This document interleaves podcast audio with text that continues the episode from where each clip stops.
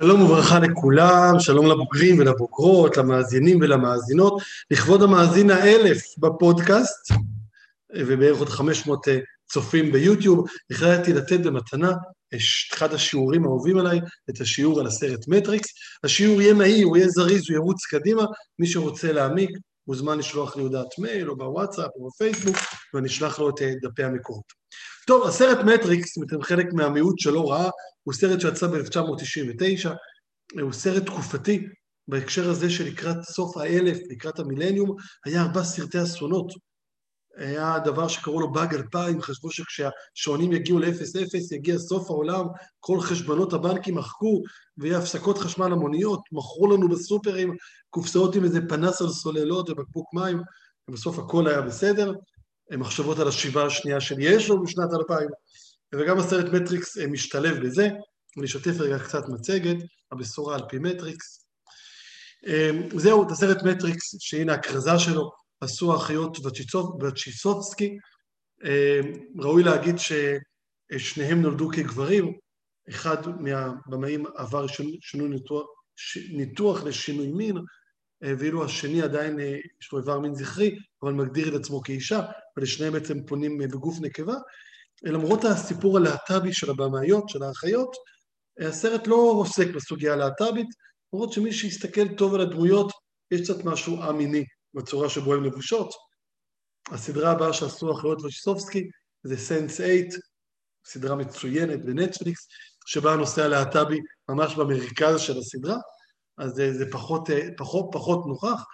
הסרט זכה בארבע אוסקרים, שינה את פני הקולנוע, אבל בעיקר ברגע שהוא יצא, כולם אמרו וואו, כולם פערו את העיניים, לא רק בגלל האוסקרים, לא רק בגלל הכוריאוגרפיה המדהימה, קטעי האלימות שם הם כמו ריקוד. אני זוכר שלמדתי בעתניאל, והייתי צופה ב repeat בקטעי האלימות שהם עושים ככה, ונלחמים אחד בשני באוויר. אלא באמת השילוב הזה בין אה, כיאוגרפיה ואלימות ומתח לבין פילוסופיה עמוקה ומחשבה, זה דבר שהוא מדהים. לסרט יצאו שני סרטי המשך, שניים ושלוש. שניים ושלוש הם בעצם סרט ארוך שנחתך באמצע, שהם סרטים גם מצוינים, אבל בסרט שתיים ושלוש יש מעין הפרדה. יש קטעי מתח ויש קטעי פילוסופיה. ולדעתי מה שמיוחד במטריקס אחד, שהסרט ממש שלוב ביחד ומאוד מאוד כיפי לצפייה, ומותח ומאוד מאוד עמוק ופילוסופי. השאלה היא זו שמניעה אותנו, התשובה כבר תמצא אותנו. הבאתי פה ציטוט. טוב, אז אני רוצה להתחיל את השיעור ולצפות באחת מהסצנות הכי מפורסמות בסרט, הסצנה של שתי הגלולות, שבה כל אחד צריך לבחור, שבה מורפיוס מנסה להסביר לניאו הגיבור, מה זה בעצם המטריקס. ניאו הוא איש מחשבים, אפרורי, אפשר להגיד. אז הסצנה, הסרט מטריקס עוסק בניאו, ניאו הוא איש מחשבים אפרורי קצת, אבל הוא גם האקר, שיודע לשלוט בשפת התוכנה ומה שנמצא מאחורי המחשבים, הוא האקר בלילה, והוא מרגיש שמשהו סביבו לא, לא נכון, משהו בעולם הזה לא אמיתי, משהו לא נכון בצורה שבה העולם מתפקד, משהו חסר, כן, איך אומר מאיר אריאל, אדם צועקת שחסר לו, לא חסר לו, לא צועק. ואז משהו קורה והוא מגיע לפגוש את מורפיוס, שבא להסביר לו מה זה המטריקס, רק אגיד שמורפיוס זה אל החלומות. במיתולוגיה היוונית. לכן הסצנה תעסוק בשאלה האם הכל זה חלום. בכלל כל השמות בכל שלושת הסרטים הם שמות מאוד ייצוגיים, ועכשיו ברשותכם נצפה בקטע קטן מהסרט, ואחרי זה נמשיך. אז זה הסצנה שהוא בא לפגוש את, את, את מורפיוס. הגשם יורד, הכל אפלולי קצת.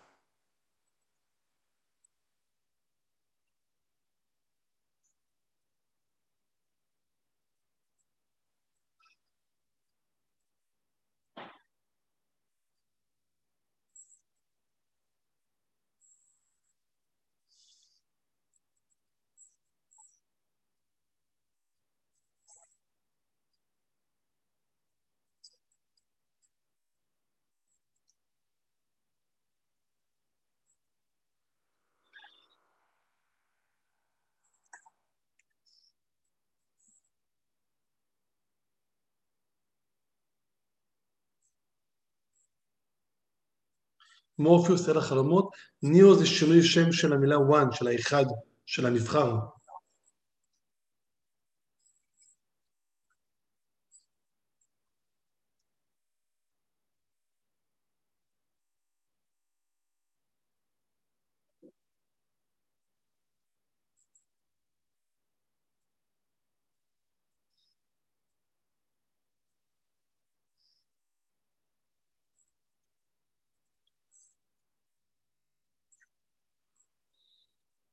ליזה בארץ הפלאות של המתמטיקאי.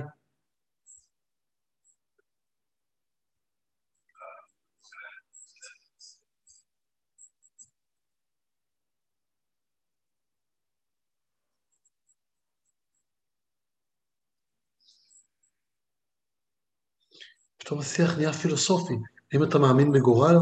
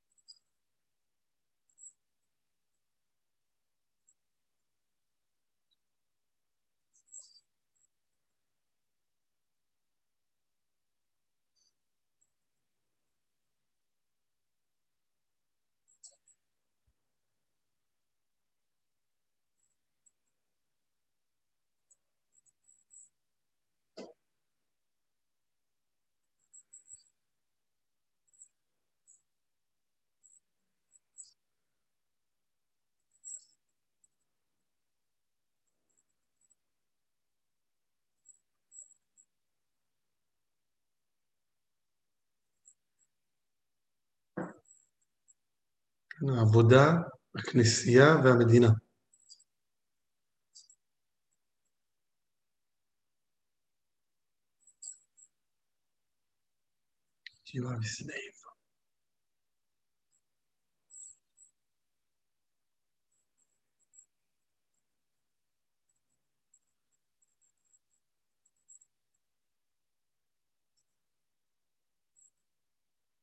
בית כלא למחשבה שלך.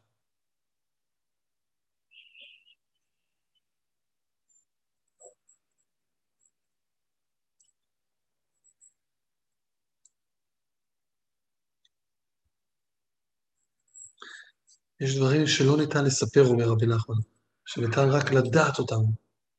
צריך לראות את זה בעיניים.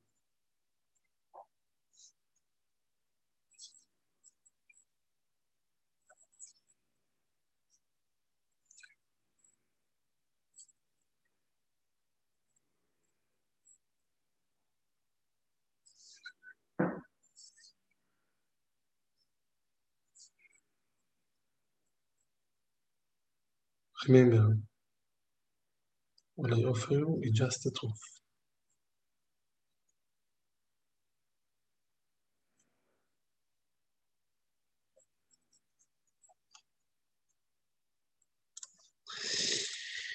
טוב, הסצנה עם השתי הגדולות מאוד מאוד מפורסמת, לא ניתן לדע, לספר מה זה המטריקס, אתה צריך לראות את זה בעצמך, והשיח בכלל מתחיל בשאלה, האם אתה מאמין בגורל?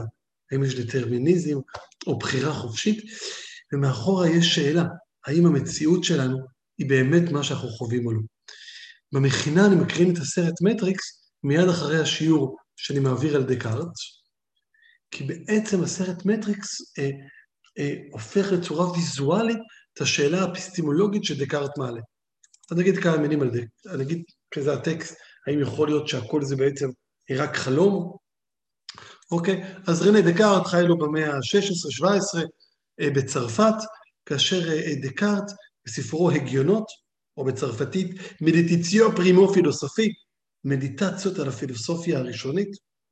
התרגום למילה הגיונות קשור למילה הגיון ליבי, שזה מעין תרגום למילה מדיטציות, אז דקארט במדיטציות, בהגיונות, עושה מעין מדיטציה ומנסה לחשוב מה אמיתי בעולם.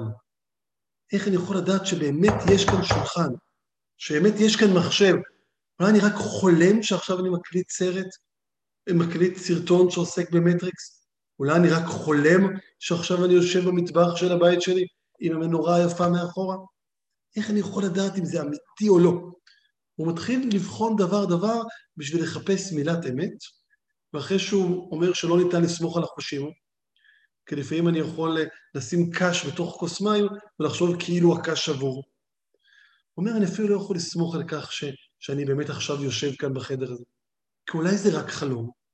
ונשים את זה במיליו של דקארט, אלא שבכל זאת מן הדין הוא כאן בתרגום של דורי מנור, ובכל זאת שמן הדין הוא שאביא כאן בחשבון שענייני אדם, ומכאן שדרכי לישון.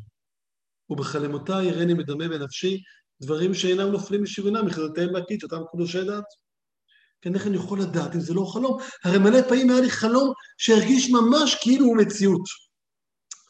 בהמשך המאמר הראשון, המדיטציה הראשונה, ההיגיון הראשון, דקארט מעלה עוד טיעון אפילו יותר מוזר. הוא אומר, גם אם נניח שאני חלום, עדיין יש דברים שהם אמיתיים בעולם. נגיד שאחד ועוד אחד שווה שתיים. אפילו שתפוז ועוד תפוז שווה שני תפוזים. אפילו אם אין תפוזים בעולם, תפוז הוא רק חלום, רק משל היה. עדיין תפוז אחד ועוד תפוז אחד יהיה שווה לשני תפוזים. ואז אומר דקארט, אלא אם כן יש אולי שד זדוני. אולי יש מלאך זדוני, שהוא ערום ורמאי כשם שהוא אדיר כוח. שישנו רב רמאים אדיר כוח כזה, שמשתמש בכל תחבולותיו כדי לרמותוני תמיד.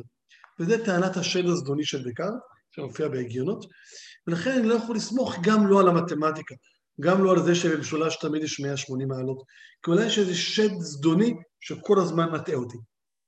זהו. במובן מסוים הסרט מטריקס לקח את טיעון החלום והפך אותו לסרט שלם. האם יכול להיות שכל בני אדם פה סביבי הם רק חולמים, הם מחוברים לאיזשהו משקפי מציאות מדומה והם לא יודעים מה האמת? הם רק חולמים כל הזמן?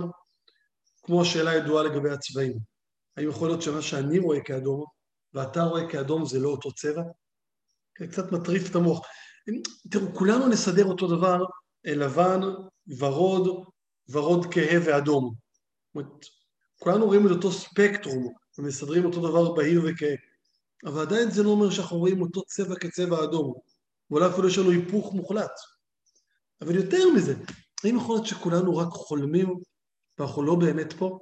כן, היינו כחולמים? ובסרט מטריקס, הטיעון הכי מוזר דקארט, זה כמובן טיעון השד הזדוני. אתה אומר, what, what the fuck, מאיפה הוא חשב על הרעיון הזה? ואז בא הסרט מטריקס שמייצג את זה. עולם של מפלצות, של איזושהי בינה מלאכותית, ששיעבדה את כל בני האדם והפכה אותם לסוללות, וגורמת לכל בני האדם להאמין בשקר. אותה בינה מלאכותית היא מאוד מאוד זדונית, אבל ככל שהיא זדונית היא גם רבת כוח, כמו שאומר דקארט. לכן גורמת לכולנו להאמין בעולם שהוא עולם שקרי, בעולם שהוא לא אמיתי. ופתאום יש כאן ייצוג ויזואלי של אותו רעיון של דקארט. אבל למובן מסוים, הסרט מטריקס לא רק מצטט את זה, הוא ממש, מורפוס ממש מצטט שם את דקארט, שאומר אם יכול להיות שאתה רק חולם, היה לך פעם חלום כזה מציאותי, הוא ממש מצטט את המהדורה האנגלית של דקארט.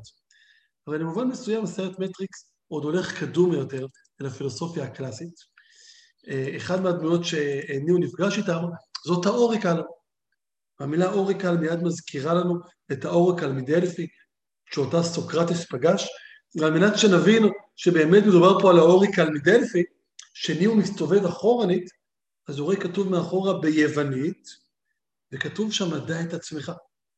כמו שהיה כתוב במקדש של האורוקל מדלפי, שפגשה את סוקרטס וסיפרה לו שהוא חכם באדם. כך שהספר בצורה מודעת רוצה לגרום לצופה, לפחות הצופה המשכיל, להבין שיש פה קשר אל הפילוסופיה היוונית. הסצנה של ניאו והאוריקל היא סצנה מדהימה, מאוד מאוד פילוסופית, שעוסקת בדטרמיניזם, בבחירה חופשית. אם האוריקל יודעת את העתיד, האם אתה יכול לבחור מה פירוש המשפט של רבי עקיבא, הכל צפוי והרשות נתונה, אבל אני לא רוצה לעסוק בזה, ואני גם לא רוצה להקרין הרבה קטעים מהסרט, כי אז מי שמאזין לזה הפודקאסט אה, משתעמם.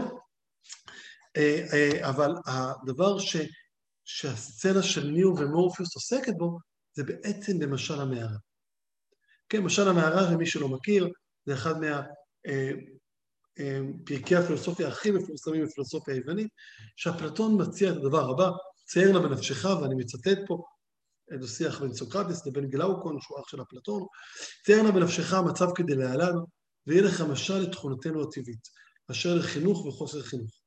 תאר לך בני אדם השוכנים מתחת לפני האדמה, במעין מערה, שיש לה מבוי כניסה ארוך הפתוח לרווחה כלפי האור, לרוחבה של מערה כולה. בתוכה הם אסורים בילדותם, כבולים בשוקעיהם וצוואריהם, ואתם כבולים בצוואר ובידיים, שאין בידם לשנות מקומם ואינם רואים אלא לפניהם, כמו סוסים שרואים רק קדימה. כיוון שאין ביכולתם להסב ראשם מפאת הנחושתיים. הרחק מאחוריהם ולמעלה מהם דולק אור של אש, ולמעלה מן האש בין האסירים ישנה דרך שלאורכה צייר לך נבנתה חומה. כאותם החומות המפרידות בנושא הלהטים וקהל הצופים. הנה יש פה תמונה שמראה את זה קצת, כן? בעצם יש אנשים שכלואים, מאחוריהם יש חומה, מאחוריהם יש אנשים שהולכים, מאחוריהם יש אש, ובעצם האש מקרינה את הצלליות של האנשים. אם מישהו סוחב כד למעלה, אז הכד הזה מוקרן על הקיר. כן, במובן מסוים, אפלטון, במשל המערה, חוזה פה את המצאת הטלוויזיה. ויש בן אדם שכבול אל מול אותה טלוויזיה, אל מול אותם מחול הצלליות, ואותם אנשים רואים רק את המסך טלוויזיה, רק את הצלליות. בתמונה השנייה כאן, זה, עשיתי צילום מסך מסרטון יוטיוב שאני מקרין לתלמידיי, כשאני לומד איתם את משל המערה, סרטון הזה בעברית, ושם בעזרת אה, דמויות מפלסטלינה ומוזיקה קצת מפחידה, הם הכריזו את משל המערה.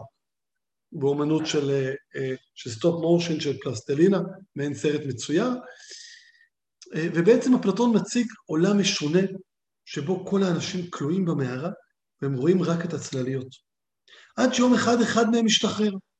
הוא הולך אחורה ורואה את האש, והעיניים שלו נהיות כואבות. לגלות את האמת זה דבר כואב.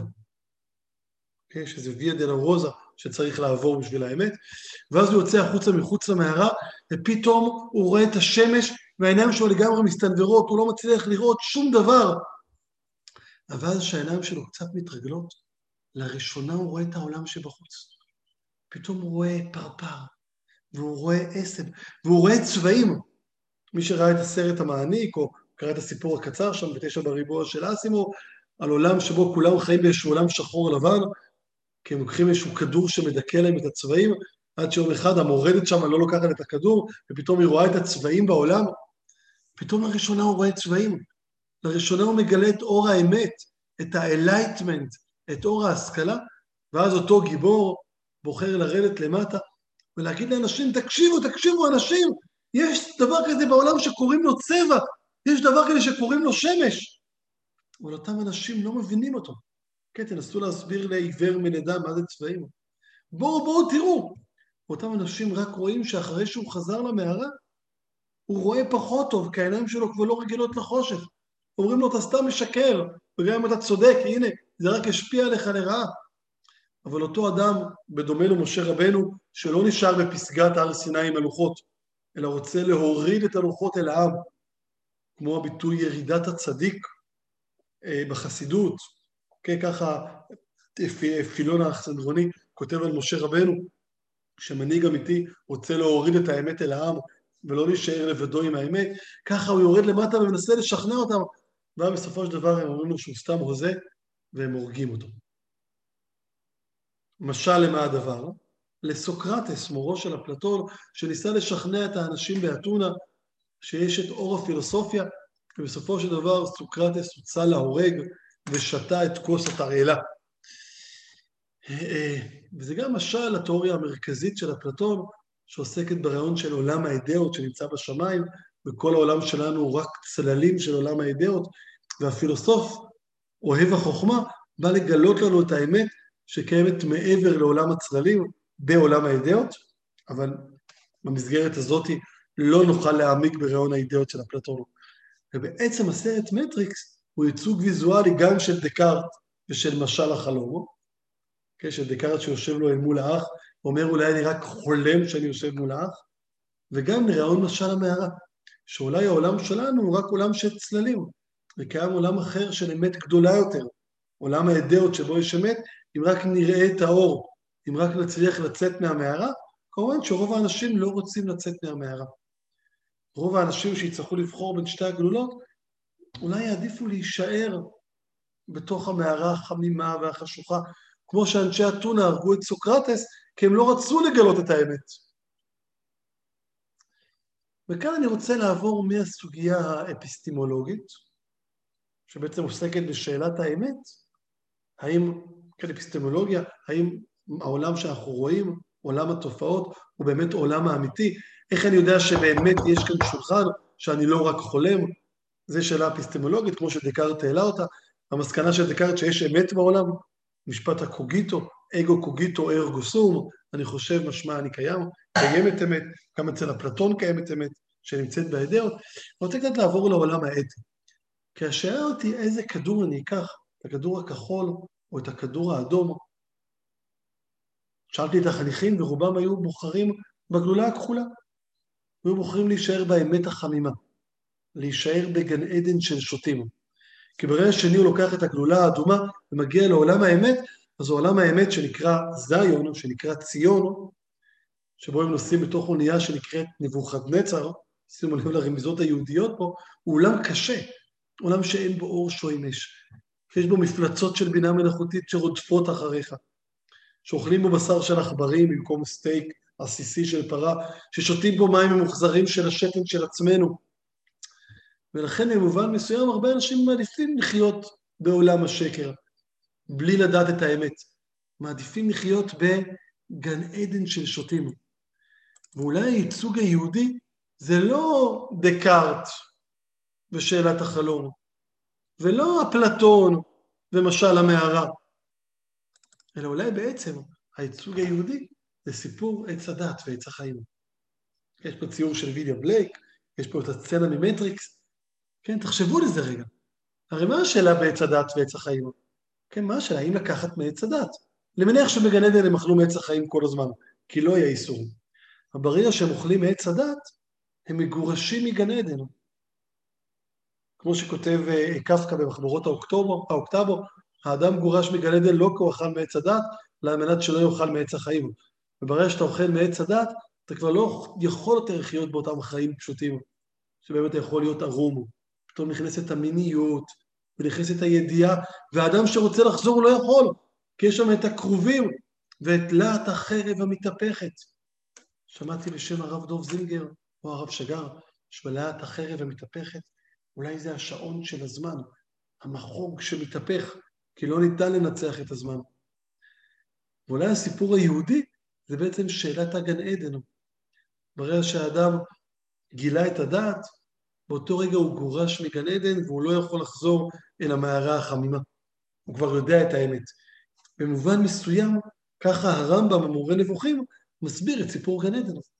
הרי שהאדם יודע, הוא לא יכול לחזור, ביחס בין טוב ורע, ליפה ומכוער, והוא לא יכול יותר לחזור, והביטוי הזה, גן עדן של ירדות, נשאר לנו מאחורה כאיזשהו מושא תשוקה שאנחנו רוצים לחזור אליו. אה, ולכן זו שאלה, כן, ברגע שפרומטאוס הביא את האש לבני אדם, אבל באותו רגע האדם כבר לא חי כלקט ציד, אלא הוא מתחיל לבנות ערים ויש מהפכה תעשייתית, אבל יש לזה גם מחיר. פרומטאוס כל היום אה, שם אוכלים את הכבד שלו, כן? הוא מקבל עונש על הגניבה של האש, כמו האדם הראשון שמקבל עונש על האכילה מעץ הדעת. אבל המחיר זה להגיע אל האמת. אה, והסיפור הזה של גן עדן מכניס אותי לחצ... לחלק הבא של השיעור, חלק מספר 2 מתוך 4. אה, חלק מספר 2, שעוסק בשאלה של מה האופציות. בעצם, בסרט יש כאילו מעין שתי אופציות. אופציה אחת זה לחיות בעולם האמת, שהוא עולם קשה, אמרתי ולא כיפי, או לחיות בעולם השקר, שזה העולם שלנו. ואדם יכול לבחור. אחד מהדמויות בסרט מטריקס זה הדמות סייפר.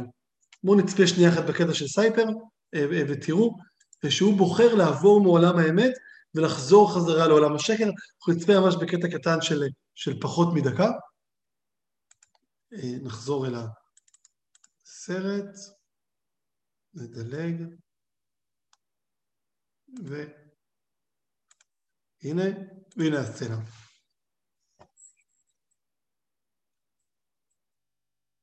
זה סייפר.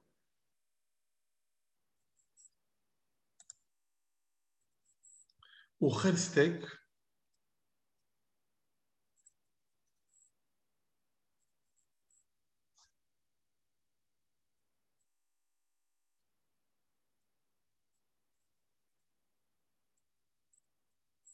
שהבורות היא עושר. הוא יודע שהסטייק הזה לא אמיתי, אבל הוא רוצה לאכול אותו, למרות שהוא יודע שזה שקר.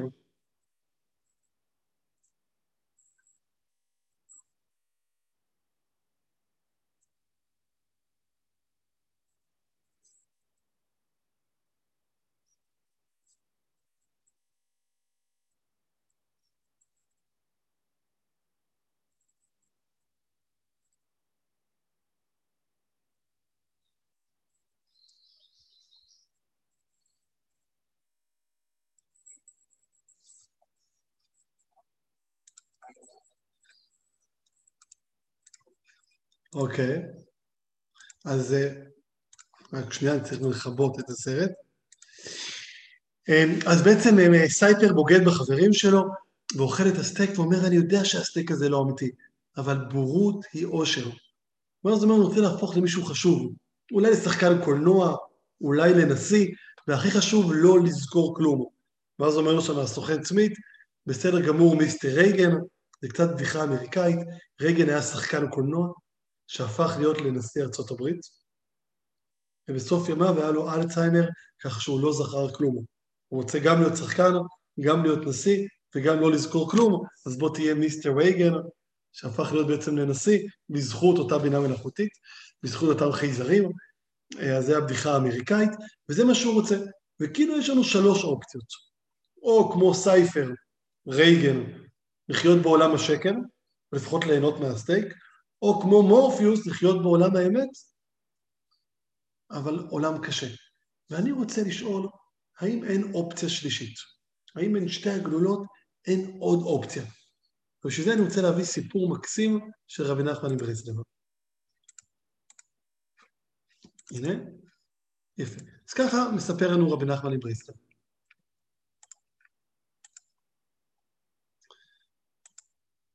פעם אחת מספר רבי נחמן, אמר המלך לאוהבו המשנה למלך, ואשר אני חוזה בכוכבים ראיתי שהתבואה של, של השנה עם כל אוכליה ייכנס בהם השיגעונו. כן? אומר המשנה למלך למלך, כל מי שיאכל השנה מהתבואה יהיה משוגע. ברגע שהוא יאכל מהתבואה הוא יהיה משוגע. מה נעשה? מה נעשה? ישבו שלושה ימים ושלושה לילות, מספר רבי נחמן. אז אמר המשנה למלך, יש לי רעיון.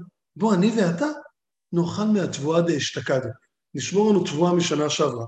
וכך אני ואתה לא נהיה משוגעים. אמר המלך למשנה שלו, שוטה שבעולם, אם אני ואתה נאכל מהתבואה הרגילה, נהיה בעיני כולם כמשוגעים. אלא מה נעשה? נאכל גם אנחנו מהתבואה המשגעת, אבל נשים סימן, זה על מצחו של זה, ואז כשנביט אחד בשני, נזכור שאנחנו משוגעים. Okay. כן? על פניו יש שתי אפשרויות, אפשרות אחת לאכול מהתבואה של שנה שעברה, ואז להיות לא משוגע, לחיות בעולם האמת. אפשרות שנייה לאכול מהתבואה המשגעת, ואז להיות משוגע כמו כולם. רבי נחמן מציע אופציה שלישית. הוא אומר, בואו נאכל מהתבואה המשגעת, אבל נשים סימן ונזכור שאנחנו משוגעים. כן? תחשבו נגיד, לא יודע, סוף ימי בית שני. אנשים אומרים שירושלים מלאה בשקרים. הכוהנים הצדוקים מושחתים, ואז באה חבורת איסיים ואומרת בואו נחיה על שפת ים המלח ושם נחיה בעולם האמת. כן, כמו הנזירים הנוצריים, כן, גם שהם בורחים מהעולם הזה בשביל לחיות בעולם האמת. ורבי נחמן אומר, לא ולא, אפשר לחיות בתוך העולם הזה, ועדיין לא לחיות בתוך עולם השקר. בעזרת כך שנזכיר לעצמנו שאנחנו משוגעים. אני אגיד שזה לא הבחירה האורתודוקסית הקלאסית. האורתודוקס הקלאסי יגיד, טלוויזיה זה רע, אז שלא הולך לטלוויזיה בבית. רבי נחמן אומר, בוא, תהיה חלק מהשיח של כולם, דבר עם כולם על הסדרות שעכשיו כולם מדברים עליהן. רק תזכור שהסדרות האלה הן מטופשות.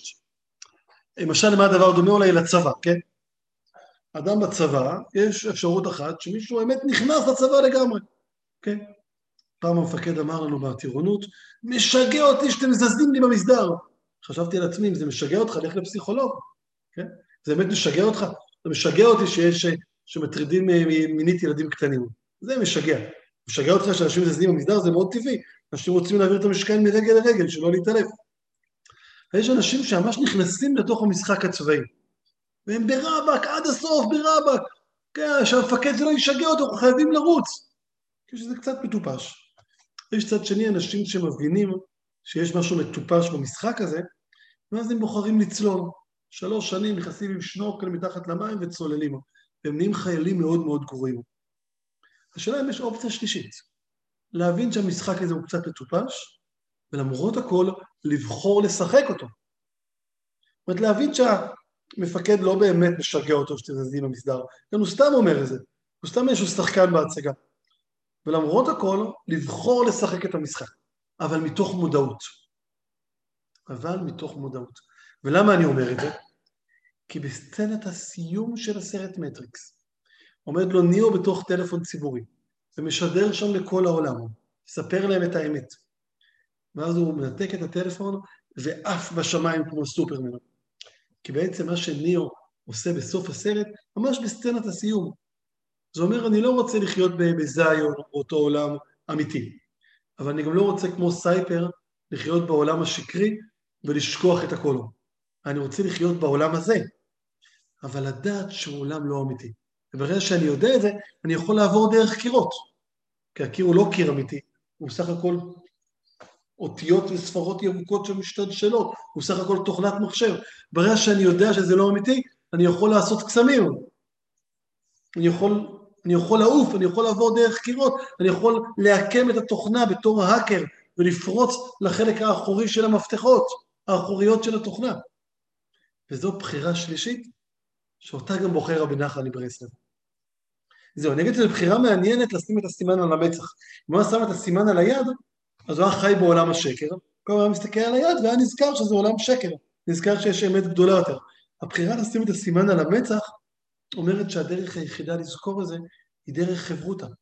לי בצבא הייתה חברותה, כמעט כל השירות הצבאי שלי. כן, בטירונות למדתי על ידי גורדון, אחרי זה למדתי הרב קוק, למדתי גמרא, היה לי חברותה. ובזכות החברותה והכמה דקות האלה בשעת ת"ש שבהם למדתי, נזכרתי שהעולם שסביבי הוא קצת משוגע. הוא לא, הוא לא לגמרי עולם אמיתי. זה מה שנזכרתי. אז הסימן שנעשה דווקא על המצח אומר שהדרך היחידה לחיות בעולם האמת היא רק בעזרת חברותה. רק אם יש לך מישהו להיות איתו. מה שמזכיר לנו את הדברים של, של לוינס, לאמת שנמצאת בפניו של הזולת, אותם פנים שמחייבות אותי לאתיקה, או הדברים של בובר שקשורים לפגישת אני אתה בפנים גלויות. אז זה ככה היה על רבי נחמן מברסלב ועל האפשרויות השונות, לא לברוח למדבר יהודה ולחיות באיזה מערת היסעים בעולם האמת, באיזה זיון, באיזה ציון, באיזה עיר האלוהים המדומיינת, וגם לא לחיות בעולם השקר, להגיד אם כולם גנבים גם אני אהיה גנב, אלא לחיות בתוך העולם הזה אבל בתוכו לחפש את נקודת האמת. נקודת האמת שנמצאת בפניו של הזולת, שדורשות ממני את האתיקה, את הציווי המוסרי העליון אה, שלא תרצח. טוב, אז אחרי שדיברנו קצת על אפיסטמולוגיה וקצת על אתיקה, נראה לי הגיע הזמן לדבר קצת על מטריקס ועל קבלה. לצורך זה אני אשתף מסך פעם נוספת. share screen. יפה. אה, יפה. אז זה אה, כל האפשרויות, וזה הסיום של הסרט, שלא נקריא לכם אותו כרגע. אחד מספרי הקבלה הכי ראשונים ובסיסיים זה ספר היצירה. השאלה מתי הוא נכתב היא שאלה טובה. פרופסור מאיר בר אילן בספרו על ספר היצירה מציע שהוא ספר פטיגוראי. פיתגורס האמין שהעולם כולו עשוי ממספרים, אך כשבספר היצירה העולם עשוי ממשהו קצת אחרת. העולם נברא בספר, סיפור וסיפר, ו-32 נדיבות נתיבות פניות חקק יהיה השם צבאו את עולמו, בשלושה ספרים, בספר סיפור וסיפר. זאת אומרת שהעולם נברא ב-32 נתיבות, שהם עשר הספרות או הספירות, ועוד 22 מאותיות. העולם בעצם נברא מאותיות. זה בעצם מה שמופיע בסיפור הבריאה. אלוהים לא ברא את העולם על ידי כך שהוא פיסל פרה, או פיסל שמש. העולם נברא בדיבור, העולם נברא בעשר מאמרות. כמו שאומר הזוהר, כן, העולם נברא בדיבור, הוא נברא בעצם בשפה העברית, הוא בעצם נברא בשפת הקודש. ואחד מהרעיונות הבסיסיים שנמצאים בעולם הקבלה, זה הביטוי של העולם שלנו כעלמא דשיקרא, לעומת עולם אחר שהוא עלמא דקשות, שהוא עולם האמת. כן, יש עולמות שונים, צילות, בריאה, יצירה, ועשייה, אנחנו בעולם הנמוך, בעולם העשייה, כן, ורודים, נקודים ועקודים, אנחנו בעולם העשייה, בעולם הנמוך, ומעלינו יש עולמות נוספים של מלאכים ושל אופנים, אה, ועד לעולם האצילות, אה, שבו נאמר, אני השם לא שניתי, והעולם הזה, יש בו איזה מימד של עולם שקרי. יש עולם אחר, עולם הבא, עולם שעתיד לבוא, שהוא עולם שהוא אמיתי יותר. ובשביל לצלוח את העולם הזה, אנחנו צריכים להבין את שפת התוכנה. ושפת התוכנה היא בעצם התורה. כי אומר הזוהר, הסתכל באורייתא או ברא עלמא. אלוהים הסתכל בתורה וברא את העולם. והעולם הזה בעצם מורכב מאותיות האלף-בית בעברית. עכשיו תראו, בסרט מטריקס העולם מורכב מ-ABC באנגלית ומספרים ירוקים כאלה שמשתלשלים. אז אם היה צריך להפוך את זה לסרט קבלי יהודי, הוא היה מרכב מאותיות האלף-בית העבריות. והמקובל שיודע לשלוט באותיות יכול לברוא דברים. כמו מה שאומרים קוסמים בשפה הארמית. שם זה הגיע גם להארי פוטר, כן? אברה כדברה, אברה כדברה. אפשר לברוא דברים בעזרת מילים. כמו שאומרים פיוט הסדר לסעודתה בשבת בבוקר. ואילן מילהיה יעולה רקיעיה. ואלה המילים יהפכו לרקיעים. אדם שיודע את סוד האלף-בית יכול לברוא שמיים חדשות בעזרת המילים, בעזרת כוח האותיות. אפילו הצבע הירוק במטריקס הוא מעניין, כי בפיוט בר יוחאי, בר יוחאי נמשכת אשריך, שמן ששון מחבריך, מופיע שם קו ירוק מחדש חודשים. כן, אלוהים מצטמצם לצדים וברא אה, חלל פנוי בלי אלוהים, עולם שבו כביכול לא רואים את אלוהים, אבל יש לפנים איזשהו קו ירוק, איזשהו קו של ספרות ואותיות, שהוא האור האלוהי, שהוא בעצם נקודת האמת בעולם. אז העולם כולו בעצם מורכב מספרות ומורכב מאותיות האלף-בית.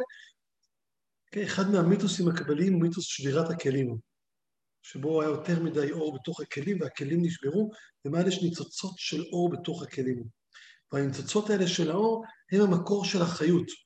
זאת מה הסיבה ש, שיש לי כאן מפתחות, כן?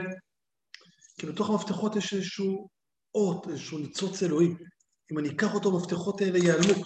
והתפקיד של המקובל זה למצוא את הניצוצות האלה ולהחזיר אותם למקורם. על ידי כך שאתה אוכל תפוח ואתה מברך עליו, אז אתה רואה את הניצוץ שבתוך התפוח, על ידי קיום מצוות, וגם על ידי עין טובה.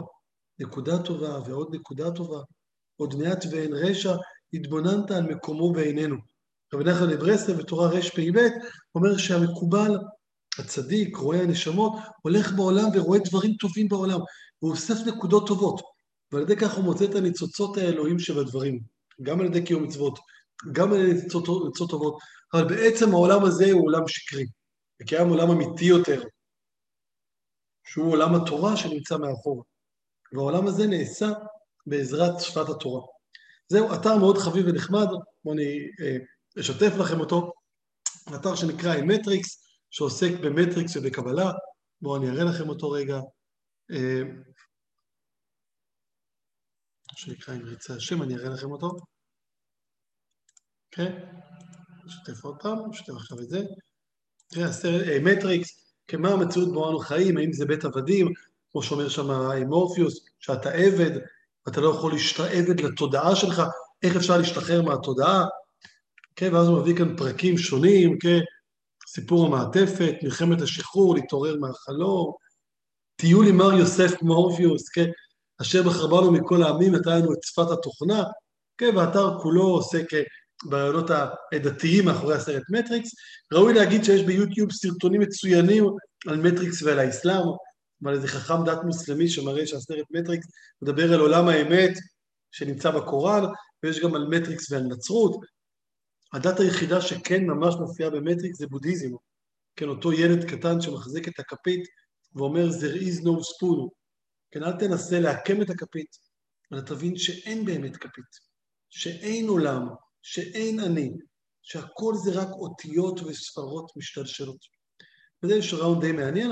ראוי לצד זה להגיד שהיום אנחנו יודעים בעולם שהמרחק בין האלקטרון לבין הפרוטון, ביחס לגודל שלהם, בין האלקטרון לבין גרעין האטום, הוא כמו המרחק בין כדור הארץ לשמש.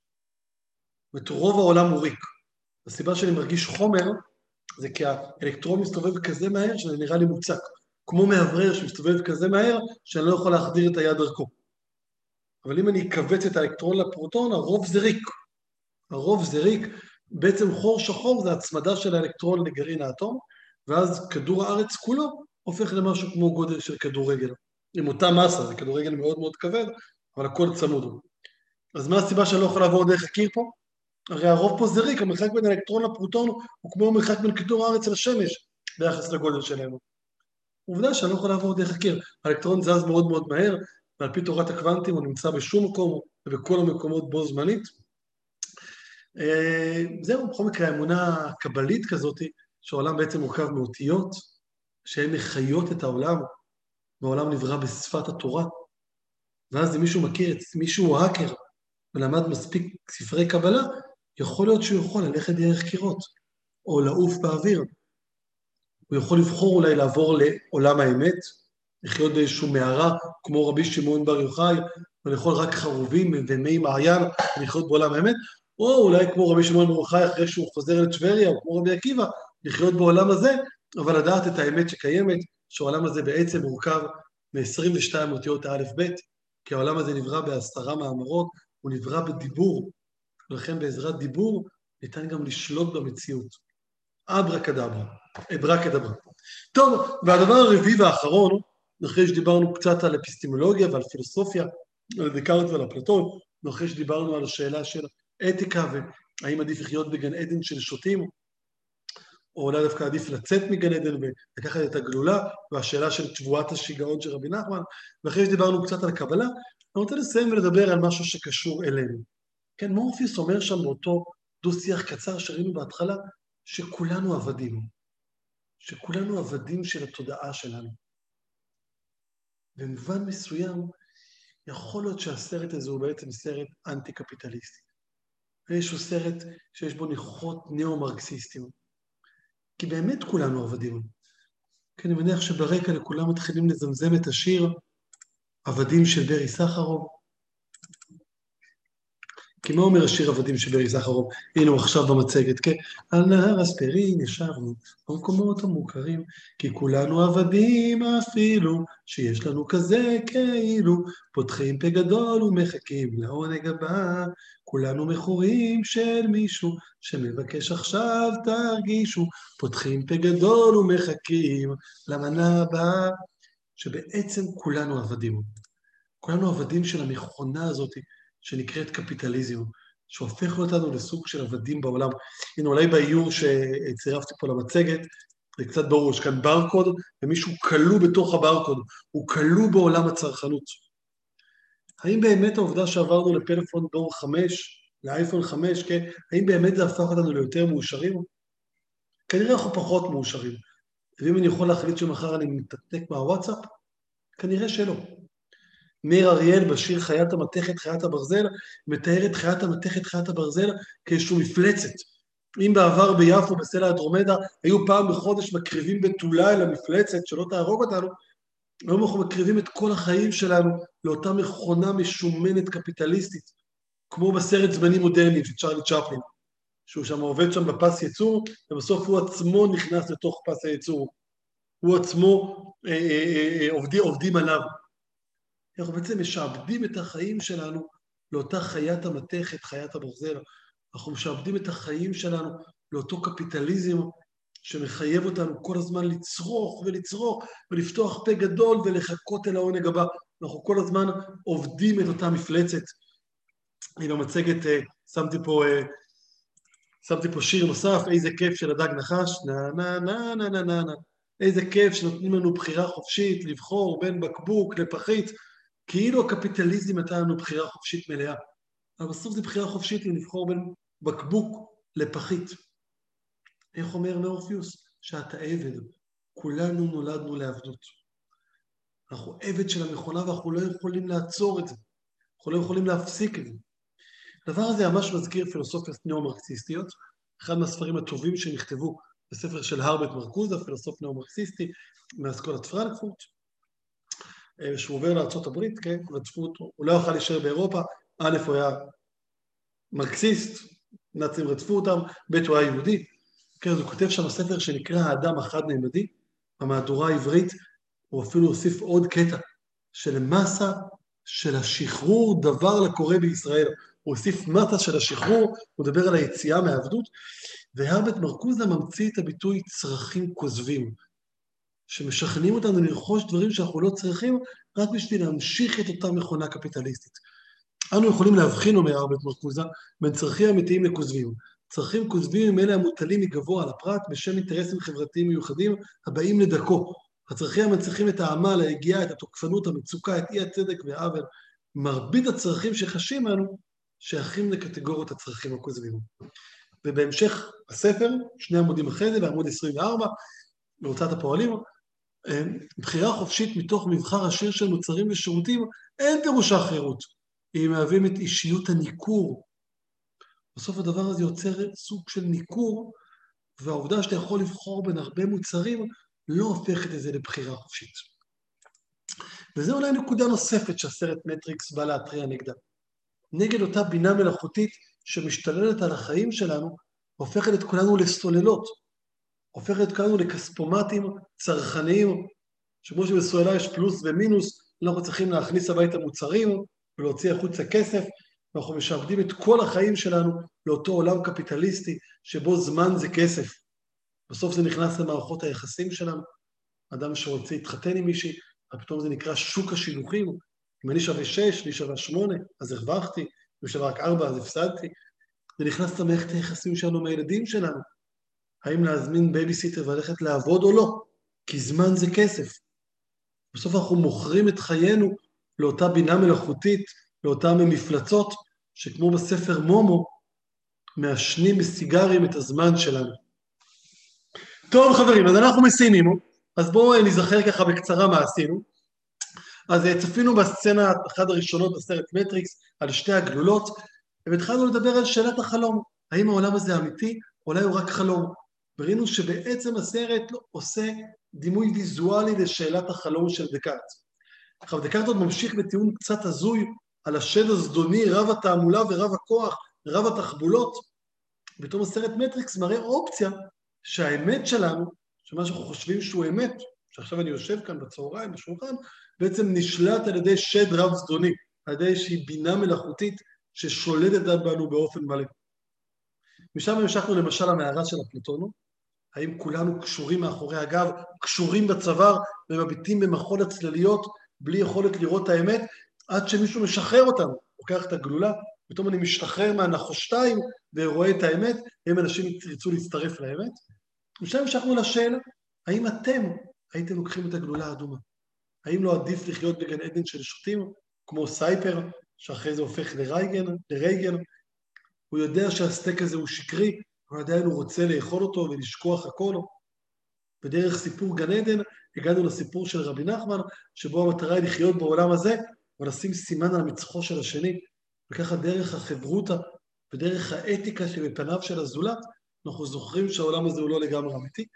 המשכנו קצת בשאלות קבליות, בביטוי הזה עלמא דשיקרא, והסתכל באורייתא וברא עלמא, שבחר בנו מכל העמים ונתן לנו את שפת התוכנה, והשאלה אם יש עולם אחר, העולם הזה שנברא באותיות, בספרות ירוקות שמשתלשלות מלמעלה למטה, בקו ירוק מחדש חודשים, וסיימנו ככה בשאלה מרקסיסטית או אנטי-קפיטליסטית שאומרת שאולי יש פה איזושהי עבדות מבחירה, שאנחנו נמצאים באיזושהי תודעה של המחשבה שלנו, ומזה אנחנו צריכים להשתחרר. חברים, נשתף בשקף הסיום. חברים וחברות, אז אחד, אני ממליץ לכם לראות את הסרט מטריקס, הוא סרט מצוין. שתיים, אני מקווה שנהנתם. את הפרק הזה החלטתי להעלות למחשתת לכבוד המאזין האלף לפודקאסט, ועוד כ-500 מאזינים ביוטיוב, שם לא ספרתי בדיוק. אז אתם מוזמנים להאזין לשאר הפרקים בפודקאסט או ביוטיוב, ותודה רבה על ההקשבה, ושיהיה לכולנו אה, שנה טובה, חיים מאושרים, שבהם נצליח להתגבר על הבורות, לצאת מהבורות ולהגיע אל אור האמת, שבהם נבחר בעצמנו לקחת את הגלולה האדומה ולבחור לחיות באמת, ולא, אבל לא לברוח לאיזה זיון, לאיזה ציון, אלא אחרי שנראה את האמת, נבחר באופציה של תיקון עולם. להתראות.